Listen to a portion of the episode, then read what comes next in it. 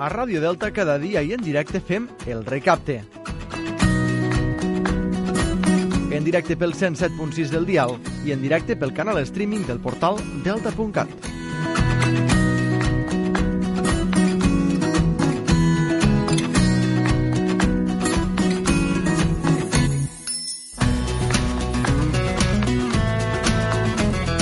Bon dia, és 4 de novembre, el dimecres després del primer dimarts, després de Tots Sants, que, com a hores d'ara ja deveu saber tothom, és el dia en el que celebren les eleccions als Estats Units i la pugna per ser, eh, per ser president del país es troba a hores d'ara en un moment d'alta, d'altíssima intensitat. Si ens esteu escoltant en una, a una de les reemissions del nostre programa, potser la cosa està més clara ja en aquestes hores de la tarda o de la matinada, però a hores d'ara, ara mateix, eh, quan pràcticament ens separen només uns minuts de les 10 i 10 del matí, encara no sabem qui governarà el país nord-americà. I per què n'estem tan pendents? Doncs perquè qui guanya tindrà a la seva mà redirigir en molts àmbits el rumb d'un planeta que porta 4 anys més o menys mig a la deriva amb un capità boig amb gorra de béisbol eh, dominant i manant, eh, governant el timó.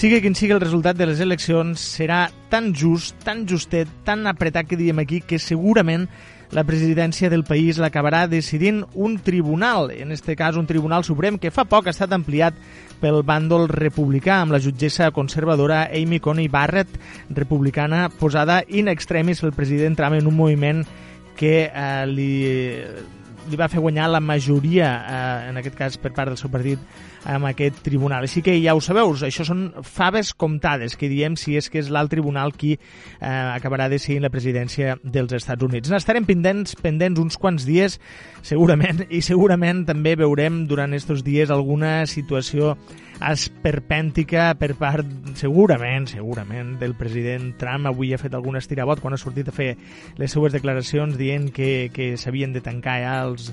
No, sabia, no, no calia fer el recompte dels vots per correu, en fi. Recordeu-vos de, recordeu de lo que us dic, eh, encara haurem de veure alguna situació que, que mos faria riure si no fos que de tan dramàtica que serà acabarà fent-nos plorar. Mentrestant, aquí a Catalunya hi ha bones notícies. La tassa de contagi eh, de coronavirus, de Covid-19 i el risc de rebrot baixen a tot Catalunya en general, però això no acaba encara de ser una bona notícia del tot, perquè sigui una bona notícia real amb tota amb tot el pes, amb tot el significat del que és una bona notícia. Cal mantenir aquestes xifres i reduir-les encara més. I això guanya qui guanya als Estats Units, perquè, com diu el refrany, cada terra fa sa guerra. I avui, avui en dia encara la nostra guerra és contra un virus, un virus invisible que s'escampa per tot arreu. Encara no sabem exactament de quina manera, però sí que sabem el que podem fer per intentar reduir aquesta taxa, moure'ns moure el mínim possible, distància de seguretat, neteja de mans i sempre, sempre, sempre dur la mascareta.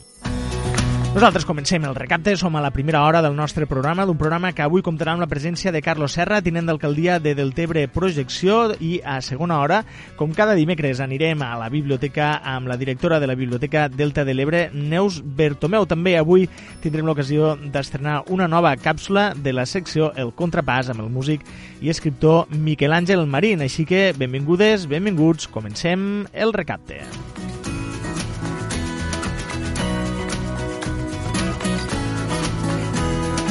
El recapte per a la gent del Tebre amb Eduard Carmona.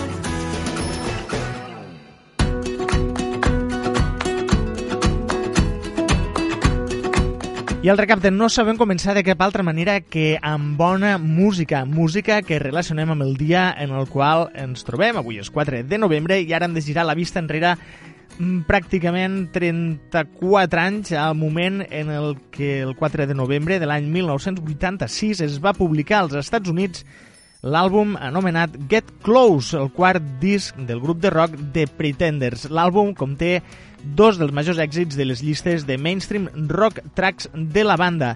Són la cançó My, Ba My Baby i, evidentment, Don't Get Me Wrong, cançons que totes dos van aconseguir el número 1. Avui la cançó que hem triat per començar el nostre programa és Don't Get Me Wrong dels Pretenders.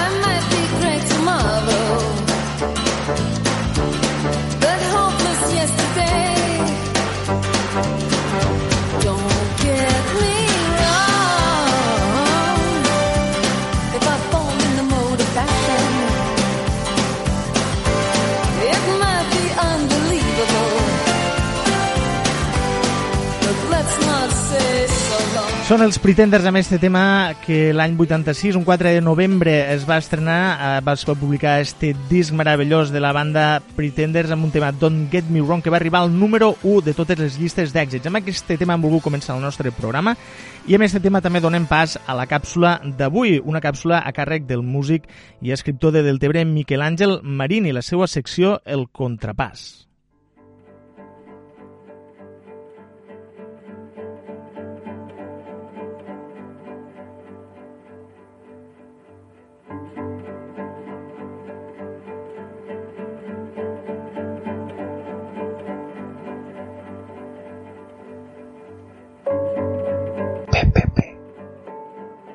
incisiu.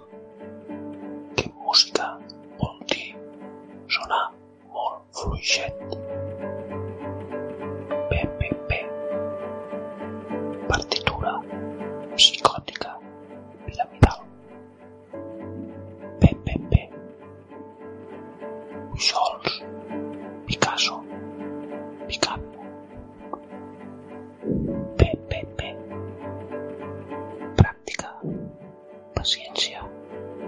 这是要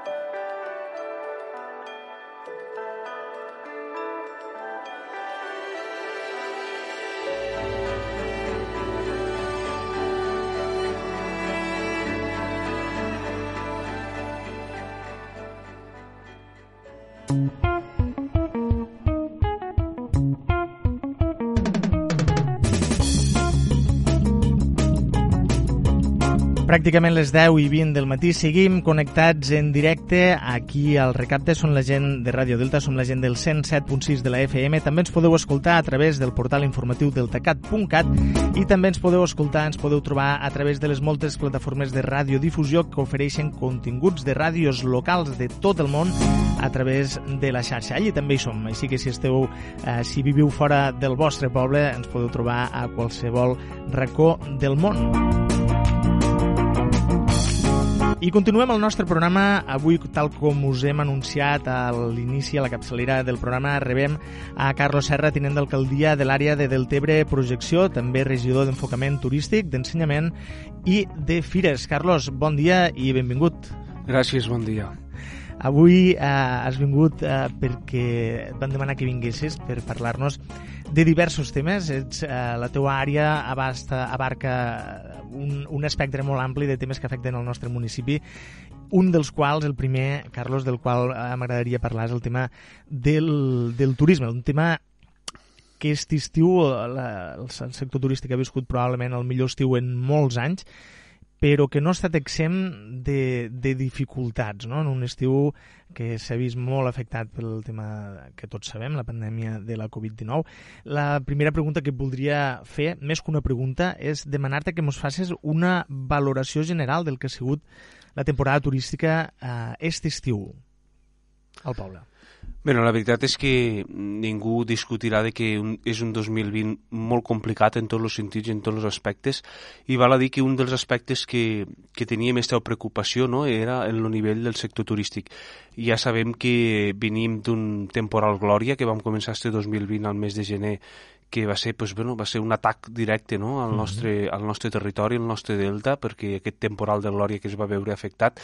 I tot seguit, ja el mes de, de març ja vam entrar en esta, en esta crisi sanitària mundial no? d'aquest Covid, per tant, dos, dos, dos aspectes que ens preocupaven molt i sobretot el sector turístic preocupaven perquè, pues, bueno, tal com estava la situació, pues, era un dels sectors que més perjudicat se'n sortiria davant d'aquesta situació que estem plantejant. No? Clar, recordem que quan va, quan va arribar la pandèmia de la Covid encara no s'havia començat a treballar per a pal·liar els efectes del Glòria, encara no havien arribat les ajudes, encara estàvem en una situació una mica una mà davant i una mà detrás, com aquell que diu. Evidentment que va ser un... no estàvem recuperats del Glòria perquè ens va en plena, no? en, ple, en ple conseqüència del, del Glòria, va arribar el Covid, no? i per tant se van ajuntar aquests dos elements que pues, el sector se va veure molt perjudicat, els estats d'ànims pues, eren molt baixos perquè pensàvem que d'aquestes pues, seria una situació molt complicada i que teníem una Setmana Santa per davant pues que la veritat és que els números eren molt rojos i després teníem una temporada d'estiu pues, que tal com veiem l'evolució d'aquesta pandèmia, d'aquesta crisi,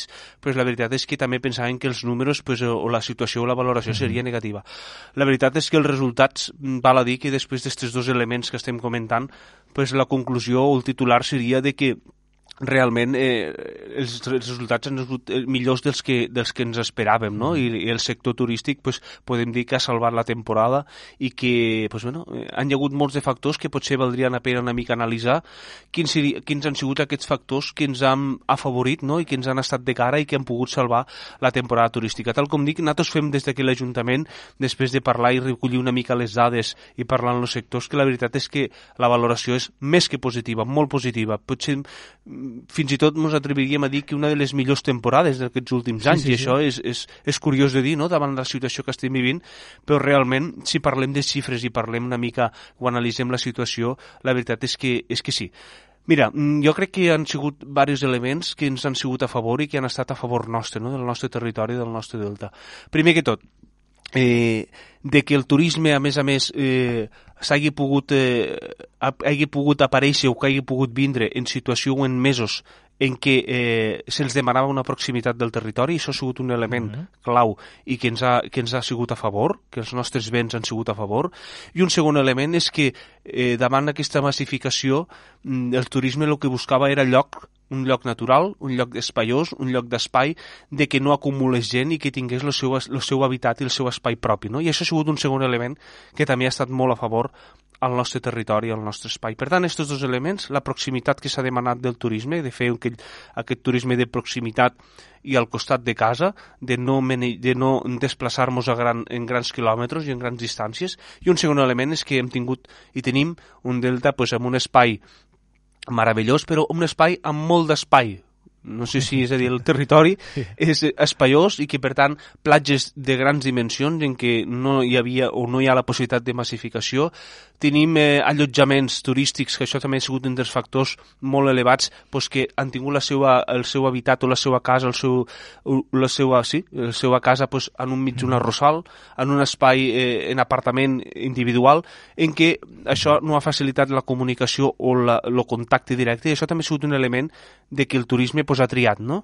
proximitat i, a més a més, eh, un espai més individual o més, o més privat. En aquest cas, eh, per tant, podem dir que el model turístic que s'hi segueix al Delta eh, de moment està sent un encert, una vegada més, no? I, i que potser, eh, ho dic per algunes d'aquelles veus que defensen que el Delta fan falta hotels, per exemple, o, o, o més hotels encara, quan en realitat el que es busca el turisme, eh, i més en circumstàncies com aquesta, que esperem que no repetisca més endavant, però sempre busquen una cosa diferenciada, no? Ja tenim hotels a, a la Costa Dorada, ja tenim hotels eh, aquí a la costa de Castelló, potser aquí el Delta encara és un d'aquells refugis que el model turístic és molt peculiar i, i funciona, sobretot l'ecoturisme, no? Pues, evidentment que jo penso que, per desgràcia, o si ho hem de dir, però de la desgràcia sempre, sempre hem de traure la part positiva, penso que sí, que ha sigut un, un, una manera no, de, de quedar en evidència i d'afirmar de que el model turístic ha de continuar sent aquest, no? un model sostenible, això és molt important, ecoturisme,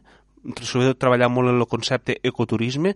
Estem davant d'un delta també, també molt fràgil, en què està patint també la, la, la, un problema molt important com és la regressió, i això és un dels factors i un dels motius pel qual hem d'apostar més per aquest turisme sostenible, en aquest model pues, que volem defensar. No? I ara és el moment de ratificar i de treballar pues, les administracions locals més d'aquí de proximitat del Delta, de Terres de l'Ebre, pues, treballar sobretot això, aquest model sostenible i, i, i, i aquest model no? d'unitat familiar, de respecte per la natura, i per aquest delta que tant, que tant volem preservar i sobretot això, este model d'ecoturisme de, de, que és el que realment hem de, hem de defensar i hem de treballar. Has parlat de que un, un dels elements eh, que ens ha anat a favor durant aquesta temporada, sobretot a l'estiu, és, eh, és el turisme de proximitat. Eh, la gent dels, de les Terres de l'Ebre han respost i ens han visitat i han fet despesa i això ha contribuït a, a, que, el, a que el, el nostre sector funcionés eh, adequadament, molt, molt millor que adequadament.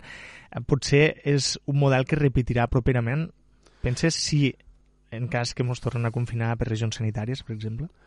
Mira, jo crec que, que serà un model que a partir d'ara ha, ha tingut una iniciativa i que ha tingut i que ha començat i que continuarà, perquè eh, aquí el Delta, concretament a Deltebre, ja sabem que tenim un turisme eh, estranger, i això també val a considerar, un turisme sí. sobretot francès i alemà, que, clar, esta temporada per aquest turisme ha sigut, no ha sigut tan bo, perquè ja sabem que les restriccions sanitàries pues, eren les que eren, no? Era una situació que demanaven pues, evitar al màxim els desplaçaments i que el turisme sigui de proximitat, però això ha tingut la seva part positiva, com el que estem dient, perquè eh, ens ha vingut turisme de proximitat, en turisme doncs, de Tarragona, de la província de Tarragona, que um, curiosament, no, a la millor és turisme que no s'havia plantejat mai sí, sí. visitar no, la proximitat. I, doncs, bueno, això t'ha donat compte de que coneixen el territori de proximitat i que s'han desplaçat a 80 quilòmetres de casa i que tenen pues, una gran riquesa, no? En aquest cas pues, han descobert el Delta de l'Ebre. I això ens hem trobat molta gent, eh? molta gent de, de les comarques de Tarragona, Barcelona, que desconeixien el Delta perquè no mm. l'havien visitat mai i ara ha sigut una oportunitat. Per tant, a partir d'ara podem dir que este model de turisme de proximitat ha de continuar perquè han descobert aquest entorn natural i els ha agradat i, i, i tornaran. Podem dir que per Setmana Santa un dels punts forts de la temporada turística tot el sector es va aturar, eh, podem dir-ho pràcticament tot el sector se va aturar. Uh -huh. eh, després de l'estiu, quan van, abans, abans de Sant Joan, quan se van obrir les fronteres, diguéssim, de regions sanitàries, va permetre el trànsit per tot Catalunya la cosa es va activar, va anar molt bé, hem tingut un estiu fantàstic i ara de cop arriba la tardor, comença a haver-hi repunts de casos, brots, eh, es comencen a incrementar de nou els contagis i anem de nou al tancament total. Restriccions primer en, en el gremi de la restauració, cosa que no sé si estàs d'acord, és el motor principal de les nostres terres a l'hivern. Hi ha molt de turisme gastronòmic que després ja es queda a fer activitats, a fer turisme fotogràfic, a, a fer la resta a, a aprofitar la resta de possibilitats que li ofereix el Delta, però eminentment eh, cridada per, un, per el factor gastronòmic. Ara això no existeix. Com se planteja, com, què hi ha en perspectiva de cara a aquesta temporada de tardor-hivern? Si la cosa segueix eh, en aquestes restriccions aplicades al sector de la restauració i l'hostaleria. Clar, la veritat és que és una situació molt complicada. És a dir, venim, tal com diem, d'una Setmana Santa que va ser nula, zero. Mm. Eh, el que és la temporada d'estiu pues, l'hem salvat després de la situació i podem donar gràcies a la situació que estem vivint, però clar, el problema el tenim ara.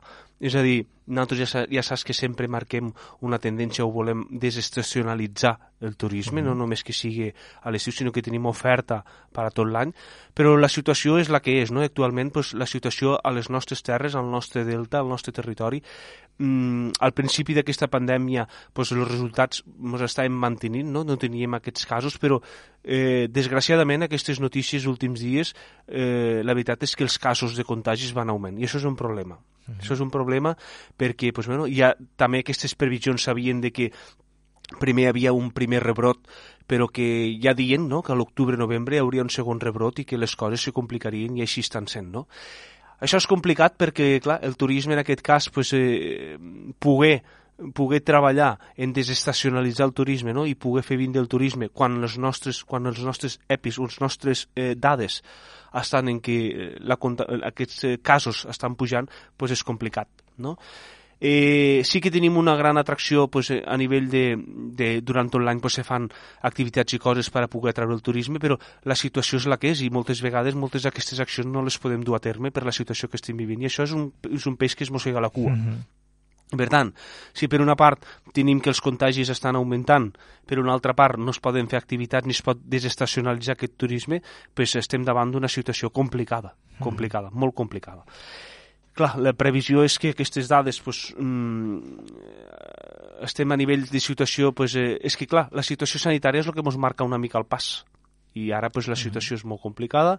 Eh, sí que intentes pues, desestacionalitzar aquest turisme, pues, bueno, ara aquesta temporada pues, a la tardor pues, sempre en aquestes jornades gastronòmiques que era pues, un dels recursos que també teníem per a, atraure el turisme, ens ho ha tocat anul·lar -huh. i la, estem davant d'una situació que mm, la salut preval per davant de tot, no? i la situació, ja et dic, és molt complexa i ara pues, tampoc pots fer molta previsió sinó que han passat una temporada, sí que han fet una bona valoració, però ara la situació ha canviat, no és la que teníem aquest estiu i la cosa va pitjor. I per tant, pues, mirarem dia a dia a veure com, podem, eh, com evoluciona per, poder, per tal de poder continuar o anar planificant. De fet, tot i que estos dies sí que hi ha hagut una, una petita baixada de la tassa de contagis i, i sobretot també a les nostres terres es manté l'índex de risc en un 882,38.38 eh, havíem arribat a tocar, crec, el 1.500-1.600, per tant, no estem en el pitjor moment, però sí que no podem oblidar que hi ha, eh, els últims 14 dies, 94 positius al, al nostre municipi. Són molts. És que, clar, estem parlant de que estem parlant d'aquestes dades que ha baixat una mica aquesta, aquesta gràfica a nivell de Terres de l'Ebre, però eh, pel contrari, a nivell municipal estan pujant les dades sí. i això és, això és un problema que eh, és greu i que cal pues, la responsabilitat de tots i totes perquè està baixant però a nivell municipal estem pujant. Ara parlarem d'estos contagis una mica vinculats en una altra àrea de la qual eh, tu n'ets el responsable, que és l'àrea d'ensenyament. Abans de tancar el capítol pel que fa a l'àrea d'enfocament turístic, eh, respecte a aquestes restriccions que ara mateix hi ha al sector de la restauració, què us agradaria que passés? Eh, què creieu que hauria de canviar? Què voldríeu que la Generalitat eh, permetés per a donar una mica d'aire al, al sector. Ahir, per exemple, a la secció que fem amb Gustavo Turón, al Rebost, eh, alguns, eh, per exemple, Juan Pinyana, el president de l'Associació d'Hostaleria de les Terres de l'Ebre, deia allò no?, que diu el sector, volem treballar, volem treballar. M'imagino que des de l'Ajuntament heu fet una mica de, de pressió no? a, a, a la Generalitat en aquest sentit per permetre una mica eh, alguna apertura perquè no és el mateix, evidentment, el que passa a les Terres de l'Ebre que el que passa a, a Barcelona, per, per dir alguna cosa, o a les grans ciutats. Sí, la veritat és que tampoc aquí ara anirem a, a tractar o anirem a valorar quines són les decisions que pren en aquest cas pues, la Generalitat de Catalunya, que és la que ens regeix tota aquesta normativa, perquè no, no és el moment tampoc de qüestionar si es fa bé o no es fa bé. La veritat és que tenim un problema davant d'aquesta situació, perquè en aquest cas pues, és ara el sector de la restauració i dels bars pues, que se'n veuen perjudicat, no? pues un, pues gent eh, treballadora, gent autònoma que té la seva empresa, té el seu negoci i volen obrir les portes perquè és la seu, el seu font d'ingrés i eh, en aquest cas pues, tenim un, també un altre problema que es fica damunt la taula, és a dir, tot aquest sector pues, evidentment que vol treballar, hi ha coses que no s'entenen, no? perquè hi ha segons quins sectors pues, que són els que estan perjudicats, en aquest cas ara són els bars i restaurants, i per què no altres sectors? No? Una mica aquest hàndicap i aquesta pregunta que es sí. posa damunt la taula, perquè uns sí, els altres no, no? aquesta justícia social que a dia d'avui no la tenim. En cap cas tampoc discutirem quins són eh, aquestes mesures o aquestes decisions o aquests sectors que ells creuen, no? perquè suposo que aquestes mesures que, que han pres s'han pues, tingut de basar pues, en uns estudis o en uns agent pues, que, professional no? que saben una mica o que entenem que tenen que saber sobre aquest aspecte i que eh, en aquest cas pues, veuen o consideren oportú aquest tancament. Nosaltres el que podem dir des de l'Ajuntament de Deltebre és que estarem, eh, en aquest cas, pues, també la regidoria d'acció comercial de, en què la regidora Ingrid eh, Santiago pues, està al capdavant i també pues, de tot l'equip de govern, és que estem al costat de tot aquest sector i que, i que pues, estem estudiant mesures pues, per poder ajudar des de l'Ajuntament de Belteve pues, a, a pal·liar o almenys pues, amortiguar una mica pues, aquesta problemàtica que tenen. Sí que hem d'estar a les ordres del que ens estan manant, si s'han de tancar, si de tancar pues, aquesta, aquesta part del sector pues, acatarem aquestes normes perquè si és no podem anar en compte tot això, però sí que des de l'Ajuntament pues, deixar clar d'aquesta voluntat de que ja com se van fer aquestes, aquestes mesures, aquests ajuts d'incentivar la dinamització econòmica al municipi i les empreses, ara estem fent una segona valoració per tornar a ajudar i per tornar eh, a estar al costat dels comerços, en aquest cas ara concretament dels bars de restaurant, perquè serà aquest primer sector ara que està tancat, però tal com estan les coses, no crec que sigui l'únic, sinó que esperem que no, però que en les pròximes setmanes, els pròxims dies, pues, hi haurà altres sectors que també es veran afectats. Però val a dir que des de l'Ajuntament Uh -huh. ho tindrem en consideració, ho tenim en consideració i estem estudiant les maneres de poder ajudar a tot aquest sector d'estar al costat, sobretot del teixit empresarial i tots aquests negocis. Com, com bé dius, des de l'Ajuntament heu estat al costat des del primer moment de, del sector i d'altres negocis del municipi que s'han vist afectats també per, per les restriccions, que molts eh, segurament no tornaran a, a obrir la persiana, que, com dèiem. Eh, us heu plantejat demanar també ajudes específiques per al sector de la Generalitat? A veure, la Generalitat ja trau, eh, ja trau aquestes mesures, eh, ja trau diferents ajuts destinats a aquestes empreses i a aquests sectors. Nosaltres el que fem aquí és recollir aquesta informació i transmetre-la també a totes eh, aquestes empreses per que estiguin al corrent, tot i que segurament que ja estan, però nosaltres reforcem i fem aquest vincle entre Generalitat i, i, i el particular no? i l'empresa per a que arriben aquestes ajudes i mm, la Generalitat evidentment però aquestes ajudes pues, moltes vegades eh, són insuficients o hi ha tanta, no? I són tanta gent pues, al país pues, que les mesures, les ajudes són les que són, per això pues, eh, intentem estar, no? aquesta administració local de proximitat com és l'Ajuntament, pues, per almenys complementar o ajudar en la part que poguéssim. Val a dir que som una administració local, el que és el pressupost és el que tenim, tampoc podem, no tenim la màquina de fer diners, però sí que d'alguna manera pues, intentem, no, almenys pues, intentar ajudar en tot allò que, que poguéssim i que estigui al nostre abast i a la nostra disponibilitat. Carlos, tornem un moment al turisme. Abans ens ha quedat una qüestió pendent. Este estiu, com tu dius, ha anat molt bé, ha sigut una temporada excel·lent tan excel·lent que pràcticament el Delta ha estat a un pas de morir d'èxit, que es diu, no? Massificació a diverses zones, fins i tot ens hem trobat els, els locals, no? els habitants de, del municipi, que a l'hora d'anar a les nostres platges preferides, els nostres racons preferits, per arribar doncs, teníem una cua de, de mig quilòmetre de, de cotxes, no? O, per exemple, quan feies eh, el camí que porta des del restaurant dels Bascos fins al far, allò com, com s'ha dit i s'ha fet ja un mantra, no? apareixien les Rambles. A altres municipis, com ara Amposta, van decidir prendre mesures de cara a la temporada que ve i restringir l'accés, per exemple, a la platja del Trabucador. Encara no està clar de quina manera es farà, potser si els locals tindran eh, preferència davant dels turistes o no, ja ho veurem. No sé si des de l'Ajuntament de Deltebre heu pensat, heu previst alguna actuació en, en este sentit. A veure, la situació aquesta, o aquest tema és bastant, bastant complex, bastant eh, complicat. Sí que és un tema que ha d'estar damunt la taula, i està damunt la taula, perquè bueno, ja sabem per una part que som un municipi, som un, un territori que som acollidors, no? que obrim les portes i som persones eh, que ens agrada que la gent pues, ens visite. A més a més, un dels motors econòmics pues, és el turisme i l'hem de cuidar, aquest sector. Però sí que, per altra part, o al mateix temps, o paral·lelament, mostrem que aquesta massificació pot ser perjudicial. I pensem en el moment que estem, eh, tal com dic, un tema complex, però més que prohibir, creiem o es creu o pensem que més que prohibir s'hauria de replantejar o ordenar. No? Regular, potser. Regular, més que prohibir, regular. Eh, hi ha un pla d'ordenació de platges en què s'està estudiant també eh, per a poder reestructurar, ja sabem que un dels llocs on hem tingut més massificació, tal com comentaves, doncs era les platges, perquè tenim la platja de la Marquesa, en tot aquest camí de, de, a la punta de, de la, del, del Fangar, eh, la platja de Riomar, que no tenim aquest problema perquè és una platja més massificada, més, perdó, més, més ampla, i a més a més doncs, també està el nucli de Riomar per poder eh, l'accés de les passarel·les és diferent, però sí que hi tenim un problema a la bassa de l'Arena i el que seria la platja de la Marquesa, perquè el seu accés Exacte. és complicat. Per exemple, Riomar, per anar a la platja pots deixar el cotxe no només al passeig, no als carrers eh, perpendiculars. Dins el, el nucli dins de Riomar. I, I no generes problemes ni costa més arribar a la platja. En canvi, eh, en aquest cas, la Marquesa, els cotxes aparcats a la carretera permetien, no permetien arribar i descarregar, per exemple. Este sí que és un punt, un punt negre, en aquest cas pues, la platja de la Marquesa, per, eh, per això s'estudia i s'està damunt la taula i s'està treballant des de l'àrea també del que seria el regidor Joan Lucas, de platges, pues, aquest pla d'ordenació en què ens permetrà en els pròxims anys els, eh, poder treballar i poder ordenar o planificar i estructurar pues aquest, no? aquest accés, perquè és una platja pues, que té el seu entorn, el seu encant, és una atracció natural per als turistes i per aquella, i també no només per als turistes, sinó per a la gent que hi residim, que hi som d'aquí, sí.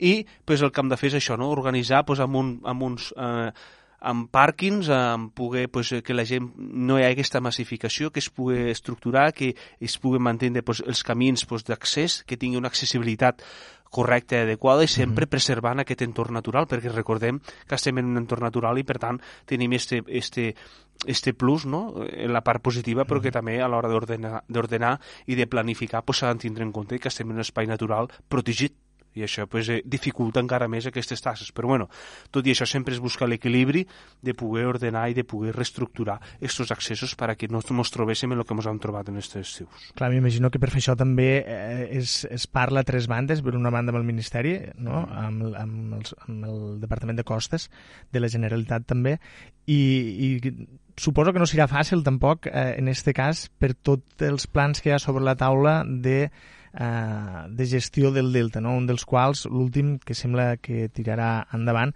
és este pla de, de recuperar terreny, no? d'expropiar, entre cometes, territoris als pagesos que tenen els, els arrossars més a prop de la platja. En tot cas, això és un altre tema. Esperem que la platja de la Marquesa continuï existint l'any que ve i en poguéssim tornar a, a parlar. Carlos, si et sembla, deixem el tema de, del turisme, no sé si vols uh, afegir alguna cosa més en aquest capítol, i parlem d'un altre tema que ens preocupa i que ens interessa més, aviat, que és el tema d'ensenyament. Tu ets regidor d'ensenyament i t'has trobat també en guany en una situació excepcional. Al març es van aturar les classes, fins al juny, eh, que va haver-hi un intent de tornar, no? però la cosa va anar... Vaja, va ser un, un intent.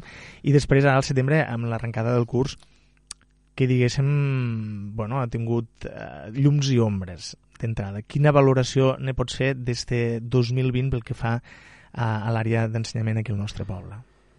Bueno, la valoració penso que és igual que la del tot lo del sector del, de l'ensenyament, eh, tota la comunitat educativa, pues, eh, la preocupació, és a dir, hi ha molta preocupació, molta angoixa, eh, estem davant pues, d'una situació pues, és complexa, però el tema de l'ensenyament pues, també ho és, no? perquè pues, no? tot l'alumnat i tots els xiquets i xiquetes pues, acudixen a aquests centres escolars, un lloc pues, on se concentra pues, tota la, tots els xiquets del municipi, totes les xiquetes del municipi, i són llocs d'abundància, de molt de trànsit, de molta mhm. gent, i de, mm, un, podem dir que un possible focus de contagi. La veritat és que en aquest cas sí que hem de felicitar pues, a tota la comunitat educativa perquè al principi de curs pues, se van aprovar aquests plans de reobertura d'aquests centres, aquests plans de protocols, quins serien aquests protocols que haurien de seguir els diferents centres educatius per tal de complir amb la normativa i que no sigui un lloc de contagi. Mm. I la veritat és que les valoracions jo que en aquest cas com a regidor d'ensenyament pues, estic eh, en contacte amb els directors de les escoles, ja han anat fent diverses reunions pues, tot aquest protocol eh, s'ha portat a rajatable, s'ha portat eh, en una rigorositat i una responsabilitat que des d'aquí pues, eh, s'ha de felicitar perquè mm, aquests contagis no han vingut pròpiament, els contagis que hi ha al municipi no han vingut pròpiament de les escoles o dels centres educatius mm -hmm. perquè han sigut un dels llocs més segurs que podien estar tots els xiquets i xiquetes. Sí, això, et volia, això et volia comentar. Uh, hi ha hagut contagis als centres educatius, a, a tots els centres hi ha hagut contagis, però la gestió que se n'ha fet ha, ha estat excel·lent. El que s'ha de dir és que han hi hagut contagis, hi han hi hagut classes confinades, eh, ara concretament doncs, tenim l'escola Riomar en què dels nou grups que hi han sis grups, és a dir, quasi un 85% de l'escola avui, a dia d'avui, està confinada. Són 120 alumnes? No sí, aproximadament unes 100, estem parlant d'unes 120 famílies, aproximadament. Eh, l'escola de l'Assumpció doncs, també té grups, eh, ja, ja ha tingut grups confinats, me sembla que concretament ara en són dos, no voldria arrar una mica les dades. L'escola de Sant Miquel, doncs ahir també van confinar un altre grup de quart mm -hmm. i mhm. també ha tingut aules confinades. L'institut doncs, també va tindre part de tercer d'ESO i també doncs, eh, de, cicles de, curs, de, de cicles formatius també confinats. Tots els centres, a dia d'avui, malauradament han tingut eh, eh, classes confinades. Però val a dir que aquests contagis no han sortit de les escoles, sinó que han vingut d'exteriors, de, de tercers, no? per entendre-nos. Però clar, com que són alumnes que van a les escoles i tenen contacte, no han sigut mai de contactes directes, mm -hmm. però sí que en tercers i per tant ha hagut, des, de, des de Salut s'ha pues, considerat confinar o tancar aquest grup. La, la prova que són contactes externs, els contagis, és que quan s'ha aïllat el grup s'ha acabat la transmissió. Exacte, no ha vingut tampoc des de... No ha sigut un brot o un contagi des de la mateixa classe, això és important per una de les mostres mm -hmm. perquè aquest pla d'organització que es va aprovar pues, funciona i aquí pues, la comunitat educativa, tant pues, eh, les AMPES, les famílies, com els equips directius, com professors, pues, han ficat de la seva part per a que tot això controla. I a més a més podem dir que un dels jocs més segurs que pot estar els xiquets i xiquets és a les aules. Per què? Perquè es complixen gràcies al treball de tots pues, se complixen eh, aquestes, aquestes mesures. L'altra cosa pues, que també val a considerar pues, és que la preocupació no, que hi ha hagut, perquè moltes vegades pues, el departament pues, eh, per aquesta falta pues, eh, a la millor pues, de facilitar material, desinfectants, EPIs, pues, tot això ha hagut una mica de, de problema, no? perquè no ha arribat potser el material suficient o perquè no s'han donat els recursos suficients i aquí hi ha hagut una batalla no? pues, entre entre les classes el dia a dia perquè la realitat és molt diferent del que es pot eh, preveure, del que es pot planificar, però bueno, l'Ajuntament sempre hem estat al costat de tot allò que han necessitat i vull dir, jo estic en contacte directe amb els directors, amb mm. reunions eh, eh, pues, periòdiques pues, per a poder, eh, i bueno, estem en contacte, en contacte vull dir, pues, si hi ha cap positiu, si confinen, tot estem al dia d'aquestes notícies i hem estat al costat i seguirem estant al costat pues, donant-los suport i en tot allò que necessiten pues, l'Ajuntament sempre hem estat eh, a disposició, no? perquè la situació és complicada, és complexa, però eh, l'obligació nostra pues, és estar al seu costat i així, i així hem estat i així ho continuarem fent. Carlos, m'agradaria com, com si diu vulgarment, trencar una llança en favor de, del, del col·lectiu educatiu, els mestres, les mestres, el professorat, també de l'institut, eh, que s'ha parlat molt estos mesos, des del mar, sobretot de l'estiu, que si els mestres no feien res s'ha criticat el sector educatiu. Probablement, no sé si estaràs d'acord, han sigut els mesos des de molts anys que han treballat més els mestres i que menys s'ha vist la feina que han fet. No, no sé si estàs d'acord o no, o que t'arriben a transmetre eh, tant mestres com professors i professores del nostre municipi. Si, si és així, eh, des d'aquí m'agradaria reivindicar la feina que han fet que fan i que encara els queda per fer mentre dura eh, tot això de, de la pandèmia. Bé, doncs jo, clar, en aquest cas que és un sector que per a mi tenen tots els, seus, tots els meus eh, respectes, a més a més parlo en coneixement de causa, jo també, ara que tot i que fa uns quants anys que no estic exercint, però sé que la professió, pues, què és el que comporta, i la situació eh, en un dia a dia, en un curs normal, un paper d'un professor, d'un mestre, és molt important i desenvolupa, eh, fa una tasca que moltes vegades no es veu ni es valora, però en aquesta situació complexa, novedosa, que ha sigut per a, per a tots, eh, el sector dels professors, del mestre, eh, han estat a l'altura, han estat a l'altura i han treballat més que mai. Per què? Pues perquè aquestes no és complicat, és a dir, el dia a dia o tenint un contacte directe amb l'alumnat el eh, paper d'ensenyar a educar és difícil, ara imagineu a través d'una pantalla o a través d'un ordenador. No? Això és, per part del professorat, és exigir-li o d'alguna manera dedicar més esforços de lo que està fent de lo que, i en els recursos que té. I això eh, mm. s'ha de deixar clar. És a dir, és fer la feina al 100% amb menys recursos.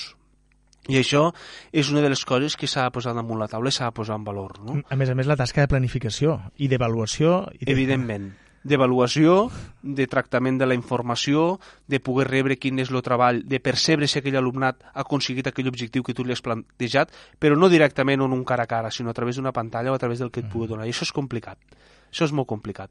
Per tant, han de posar en valor aquest treball, mm, dedicar moltes hores fora del seu horari escolar a canvi de res per poder planificar i per poder arribar allà on, té, on ha d'arribar i on té vol complir els objectius, perquè al final el professor té una responsabilitat, que és un grup d'alumnes, el seu, el seu grup, i pues, eh, ser Déu no? en, aquest, en aquests xiquets i xiquetes, en aquestes famílies, i la seva obligació pues, és estar a, a l'altura, estar amb aquests objectius, i penso que la comunitat educativa, en aquest cas pues, els mestres, han de saber valorar les famílies, eh, la societat hem de saber valorar quin és el paper.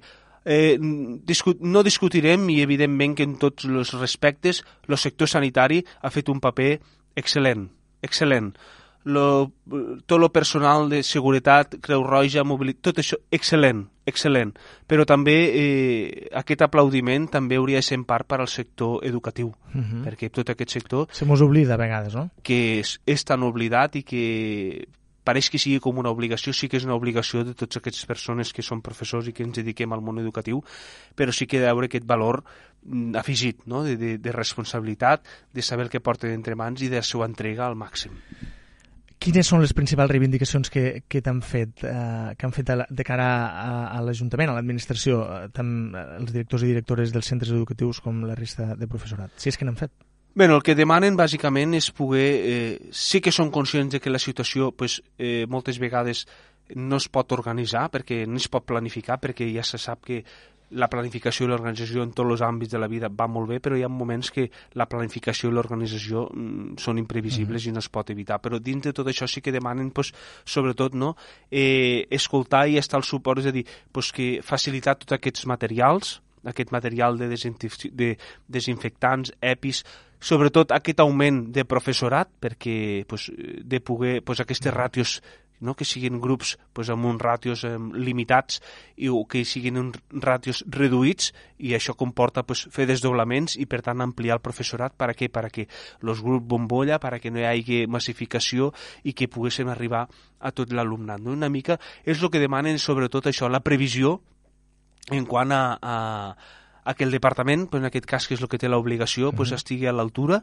de, que, de que els doni aquests ajuts econòmics per poder pal·liar totes aquestes despeses que puguin tindre i que no hagi de ser els romanents dels seus, perquè el romanents s'ha d'invertir en qualitat educativa, no només en material desinfectants o en tot allò per a l'organització del centre. O material informàtic. O material informàtic, ara a més a més és una de les coses que s'està posant damunt de la taula, eh, ja que s'han de confinar aquests grups, però sobretot facilitar aquests eines digitals a totes les famílies i això, pues, aquests ordenadors, aquestes connectivitats, que tot això es va començar però que es va parar, però ara hem d'estar al dia perquè les coses se poden complicar i es poden confinar molts grups i no ens podem permetre en cap moment que un confinament de 15 dies o d'aquests temps eh, no estigui preparat l'alumnat per a treballar des de casa. Sembla que avui la Generalitat ha començat a repartir finalment esto, este material informàtic, estos mòdems o routers inalàmbrics per poder-te connectar des de casa, estos ordenadors.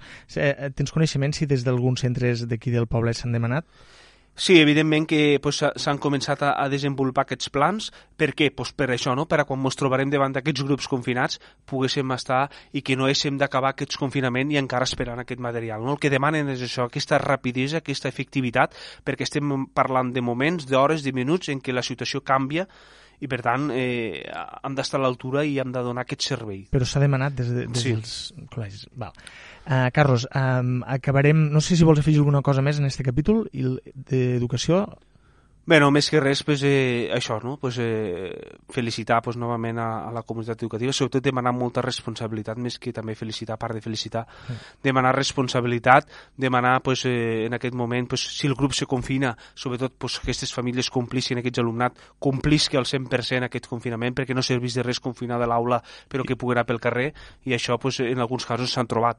I per tant, ara és un moment de responsabilitat per a poder pal·liar i poder eliminar aquesta situació tan dràstica i tan dolenta que estem vivint pues crida feta a les famílies confinades. I m'agradaria ja per acabar aquesta entrevista, ens queden poc més de 5 minuts d'entrevista, obrir l'últim meló d'avui que fa referència a les fires, fa referència a les celebracions extra, no? aquelles grans celebracions que també es veuran afectades d'alguna manera eh, per la pandèmia ja van suspendre eh, Delta no?, mescla, uh mhm. -huh. que va ser un cop dur pel sector, eh, havent-se convertit des de fa anys en una fira referencial del territori, sense cap dubte, i ara el següent esdeveniment que ens trobem i que la gent té curiositat i interès per saber què passarà és la cabalgata dels Reis.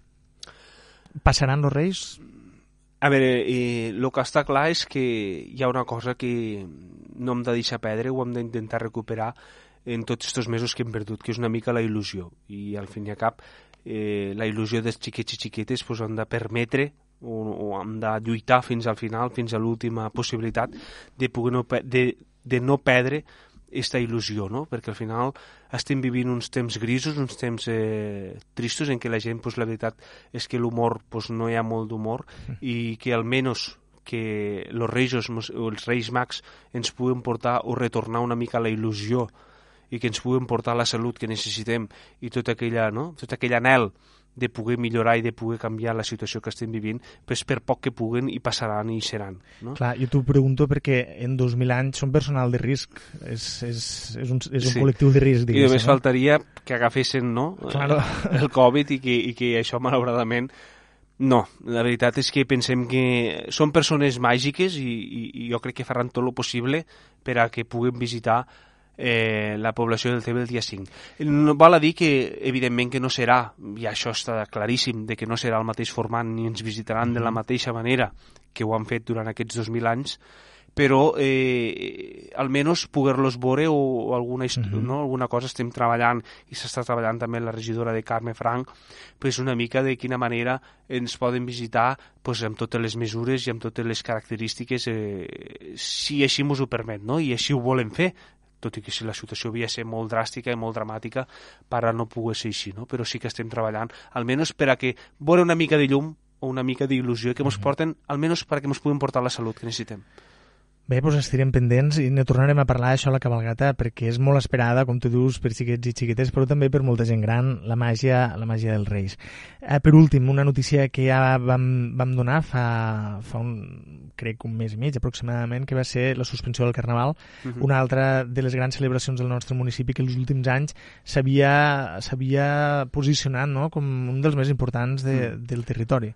Sí, teníem un carnaval de referència en què en, en pocs anys pues, ha hagut arribat al punt màxim, bueno, un dels punts més màxims i així volem continuar i va ser una decisió molt difícil perquè el Carnaval era una de les festes pues, més estimades i més apreciades del nostre municipi en què hi havia molta cohesió social hi havia molta, pues, no només el mateix dia sinó la preparança que es tenia però ara és moment de responsabilitat és moment de, de la cura i la protecció de cadascú de la salut i això pues, era, era, era, era contraproduent no? poder celebrar el Carnaval davant d'una situació que estem vivint en què hem d'evitar el contacte i la cohesió pues, Carlos, en aquestes paraules mos quedem, responsabilitat, eh, mesures preses, celebracions que canviaran de format, per almenys fins que tinguem controlada la situació. Mm, per acabar l'entrevista, no sé si vols afegir alguna cosa que pel que sigui se mos hagi escapat a l'hora de preguntar-te. No, bàsicament pues, han fet una mica el repàs de tot, de que pues, la situació és complicada, però tal com tu dius, pues, ara és moment de responsabilitat, moment de mesures i moment de, sobretot de conscienciació per a que ara és moment de restringir per a després poder gaudir o almenys pugui tornar com més pront a la normalitat, tot i que la situació és molt complicada, però ens adaptarem a lo que vingui i sobretot el més important és la salut. Pues en esta voluntat mos quedem, en aquestes ganes de, de que això s'acabe per tornar a renaixer i tornar a, a fer vida normal, celebracions normals i veure aquesta alegria que sempre mos ha caracteritzat els habitants de, del Tebre, que sempre hem portat i que encara portem, a pesar de que, mira, ara no la puguem demostrar com sempre, com sempre ho hem fet. Carlos Serra, eh, tinent d'alcaldia de l'àrea del Tebre, projecte Direcció, regidor d'Enfocament Turístic, Ensenyament i Fires. Moltes gràcies per vindre als nostres estudis i fins la propera. I salut. Gràcies a vosaltres per, per invitar-me i salut i una abraçada.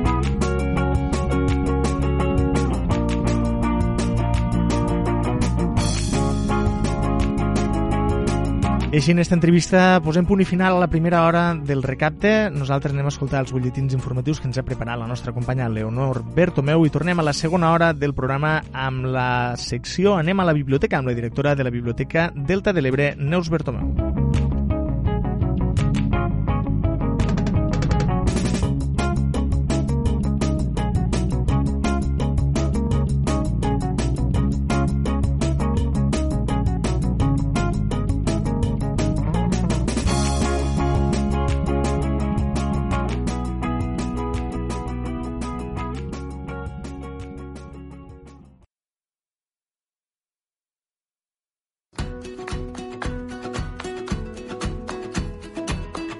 A Ràdio Delta cada dia i en directe fem el recapte.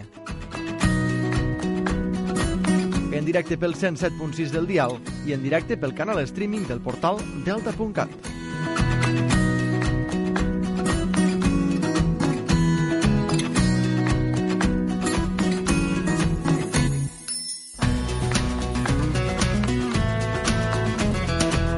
Són les 11 i pocs minuts, ara mateix les 11 aproximadament i 6 del matí, les 9 i 5, les 9 i 6 de la nit, la 1 i 5, la 1 i 6 de la matinada, si ens esteu escoltant a qualsevol de les reemissions del nostre programa.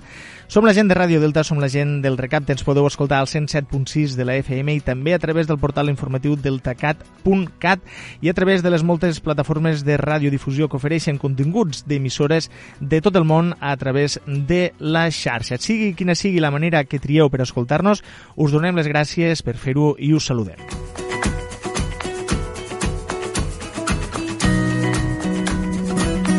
Avui és dimecres i com cada dimecres anem a la biblioteca amb Neus Bertomeu, directora de la Biblioteca Delta de l'Ebre de Deltebre.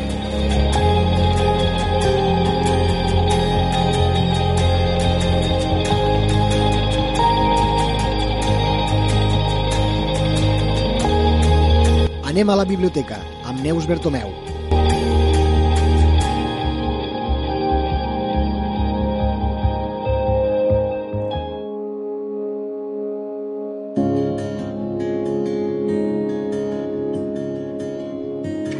Bon dia, Neus, i benvinguda. Bon dia. Avui tenim una nova entrega de la secció Anem a la biblioteca. Avui parlem de llibres al recapte, com cada dimecres. I Avui, bé, per les persones que ens escolten, eh, estem fent la connexió en Neus a través de videotrucada, a través d'una d'aquestes aplicacions de videotrucada, i normalment eh, Neus té al darrere una sèrie de llibres que abans de començar jo intento endivinar de, de què tractaran, de quina temàtica parlarem. Avui no veig llibres, Neus, eh, de què parlarem avui? De llibres, de llibres? igualment. sí, el que... Bueno, a veure, és que... Ho farem de memòria avui? No, no, ja, te, ja, els, ja te'ls aniré ensenyant i comentant. Va. Bueno, que passa és que primer que tot volia comentar que a partir de, o sigui, des del sí. divendres passat que tornem a treballar d'una altra forma, no? degut uh -huh. a la última resolució que es va dictar el, el dijous, i és que les biblioteques continuem donant servei de préstec, consultes telefòniques uh -huh. i altres tipus de, de, de, de servei però tot online, diguéssim, o, o via telefònica o via correu electrònic.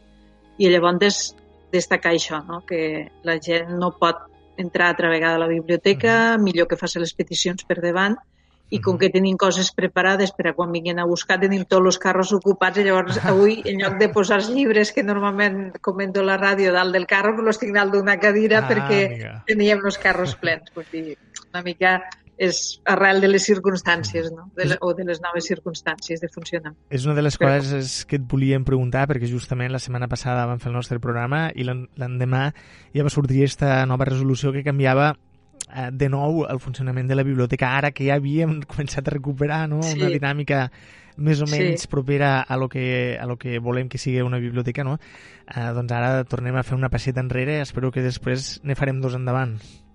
Sí, bueno, confiem que justament se faci aquesta passa enrere, no, no només les biblioteques, sinó a nivell general. Ja sabem lo dels confinaments, caps de setmana i, i fronteres no? entre comunitats, entre municipis, però mm, confiem, o sigui, fem això confiant de que això millorarà la situació i que podrem tornar a, la, a una nova normalitat més aviat no? que, que en el confinament del mes de març. Per Però... això tots prenem paciència, suposo. I tant, i tant, i que així sigui, i que sigui pronta. Sí. Molt bé, Neus, de què parlarem avui? Avui parlarem de la UNESCO, perquè cada 4 de novembre se, se celebra el Dia de la UNESCO, que és la organ, una organització especialitzada de la ONU que està mm, o sigui, dirigida no, a, al tema educació, ciència i cultura. Uh -huh. Llavors, bueno, han fet una tria dels llibres que tenim a la biblioteca que tenen algun referent en la UNESCO, uh -huh. en la UNESCO, perdó. I, i parla una mica això de les línies de treball d'esta organització mundial que sempre, o sigui, se va fundar a, a, després de la, immediatament després de la Segona Guerra Mundial per a intentar refer una mica els sistemes educatius dels països que havien sofert la guerra i, i una mica també la xarxa cultural no, d'estos països principi inicialment va ser això, però eh, el fet de treballar en l'educació no només era refer escoles, sinó refer sistemes educatius mm -hmm. i intentar fer una educació per la pau i per la tolerància, diguéssim, mm. per evitar que pogués tornar a passar el que va passar en el nazisme no? I, i, i el desastre de la Segona Guerra Mundial. Tinc la sensació que en els últims anys eh, se'n parla poc de la UNESCO i com si s'hagués com si hagués perdut, com si s'hagués aigualit una mica però potser és perquè els mitjans, ja després de tractar-ho durant tants anys, i, i me'n recordo les edicions especials de, de segells que es feien de la UNESCO i aquelles coses que més o menys tothom sabia què era, ara els mitjans no se n'ocupen tant. Ja. La, la UNESCO va fent, m'imagino, en segon pla, com algunes aplicacions dels ordenadors, però no arriba tant a la gent la feina i la tasca que desenvolupen. Sí, de fet, bueno, també és, verit, és cert que, per exemple, a nivell de Catalunya està la UNESCO la UNESCO CAT, uh -huh. UNESCO.cat, que intenta, diguéssim, fer arribar tot, tots els mandats i tota la informació de la UNESCO a la societat i al mateix temps col·labora mm, passant, diguéssim, informació de la societat catalana cap a, cap a la mateixa UNESCO, no? Uh -huh. Però mm, està clar que la pressió, diguéssim, que rep la UNESCO o la ONU mateix o, o la OMS ara en el tema del Covid, mm. no? la pressió que rep eh, dels mateixos països membres també fan que a vegades se creen polèmiques o, o que hi que d'afluixar. No? Per exemple, als anys 70 se va fer un informe no? sobre la, la censura del, dels mitjans de comunicació l'informe McBride, mm -hmm. que va provocar que hi haguessin països com Rússia o com els mateixos Estats Units, que és el sumum dels països demòcrates, i ahí lo dejo que diuen, sí, no? Vull dir, se suposa no, que sí, sí. davant de, en, en, als anys 70 no, Rússia eh, s'identificava no, com el cap dels països mm, o sigui, sí, no democràtics, no, democràtics no? i sí. Estats Units era l'antítesi la, la, no? en aquest uh -huh. sentit i en canvi arrel d'aquell informe no? en què la UNESCO picava una mica la cresta als, als governs que estaven intentant fiscalitzar els mitjans de comunicació, uh -huh. doncs va haver gent que va abandonar en aquell moment o que va, votar va vetar l'informe i uh -huh. coses d'aquest tipus, i sempre n'han hi hagut. L'any 2011 em sembla que arrel de la incorporació de Palestina com a membre de la UNESCO també va haver polèmica sí, perquè, sí, bueno, sí. de fet, la UNESCO intenta, volia incloure Palestina per a intentar, a través de l'educació, eh, revertir una mica no, lo, lo terrorisme més, més conflictiu i arrel de, no, de, de la inclusió de Palestina, doncs, evidentment, suposo que Israel i, i Estats Units doncs, van, van posar el crit al cel. No? Uh -huh. Això també fa que, que el treball de qualsevol organització a nivell mundial sigui complicat perquè ha, bueno, evidentment se manté mm. els eh, recursos dels països no? i els països volen decidir no?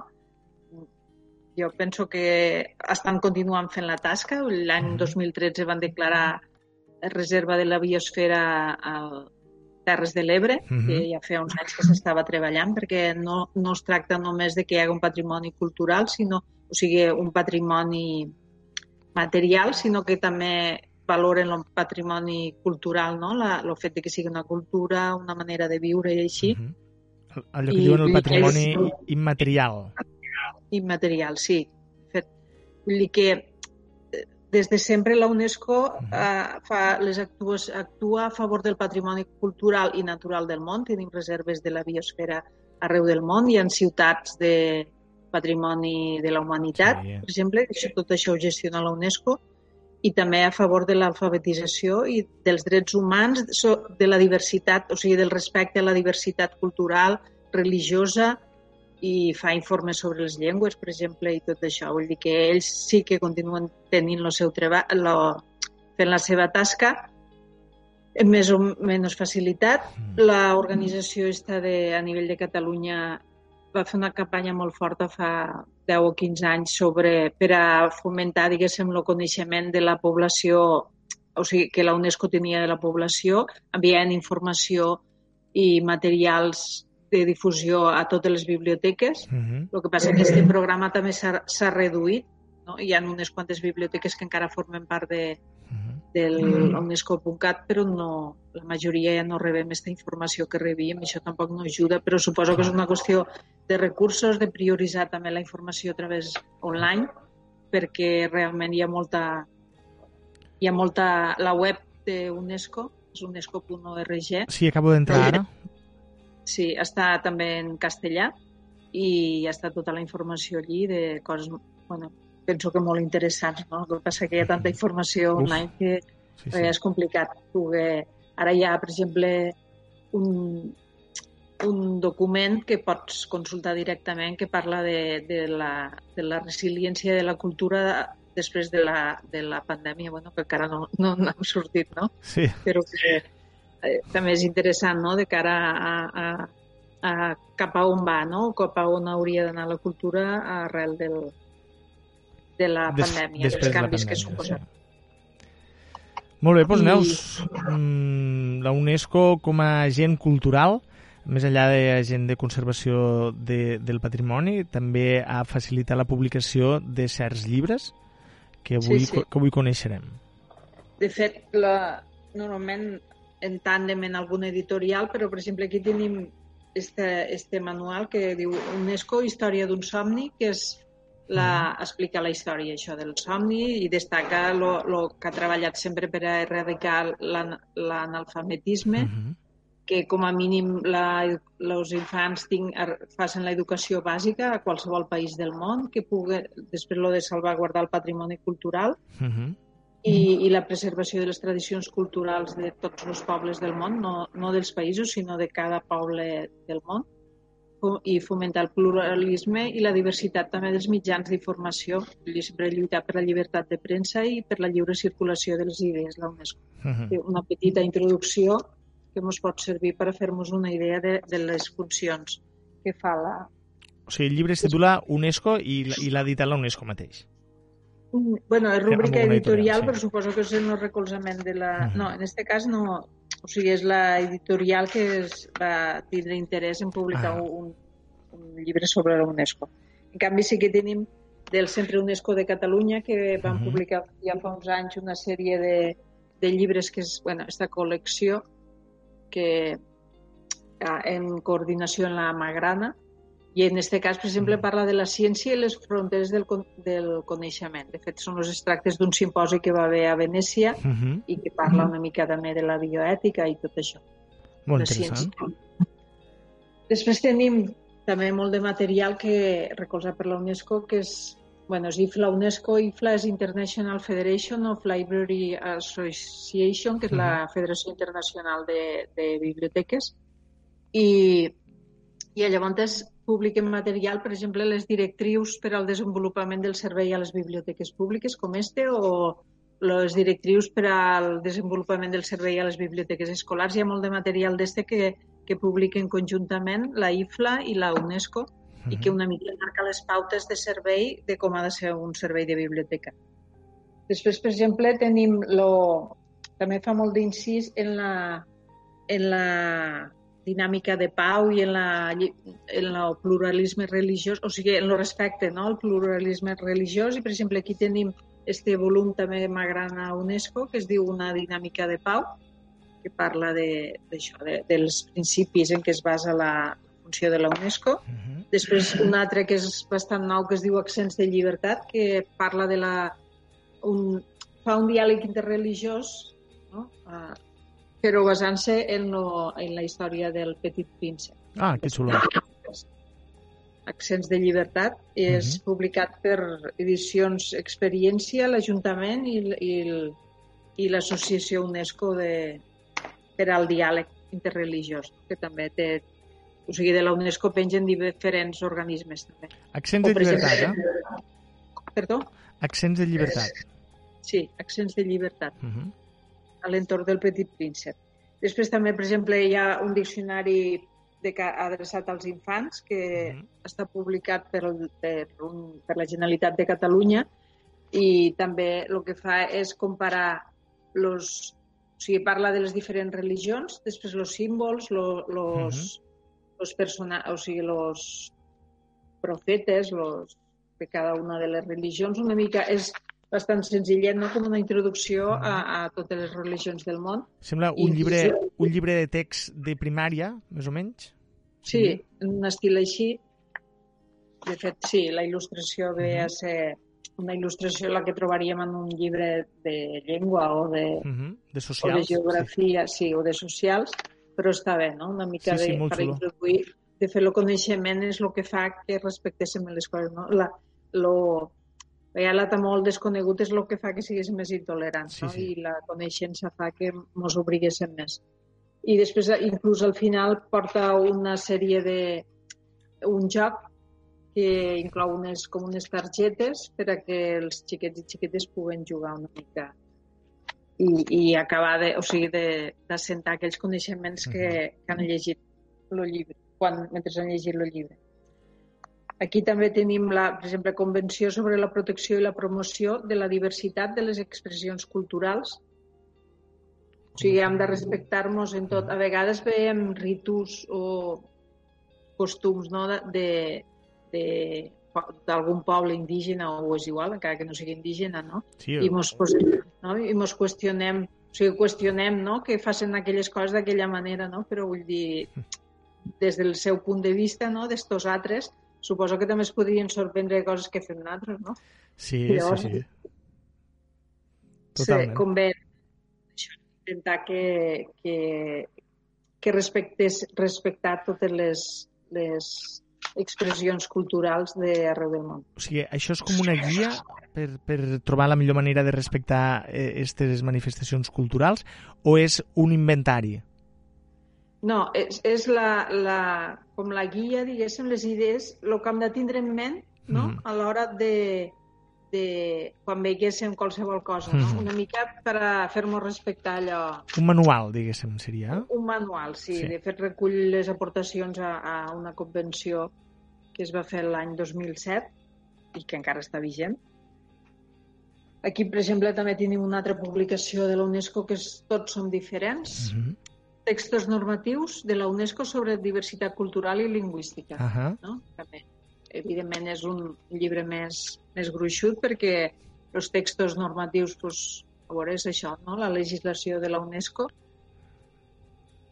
-huh. I, i després recupi... bueno, tenim un bon índex al final i, i podem consultar. Seria un llibre de consulta no? per quan tenim dubtes sobre l'aplicació d'alguna normativa. O, per exemple, tenim aquí l'informe sobre les llengües del món.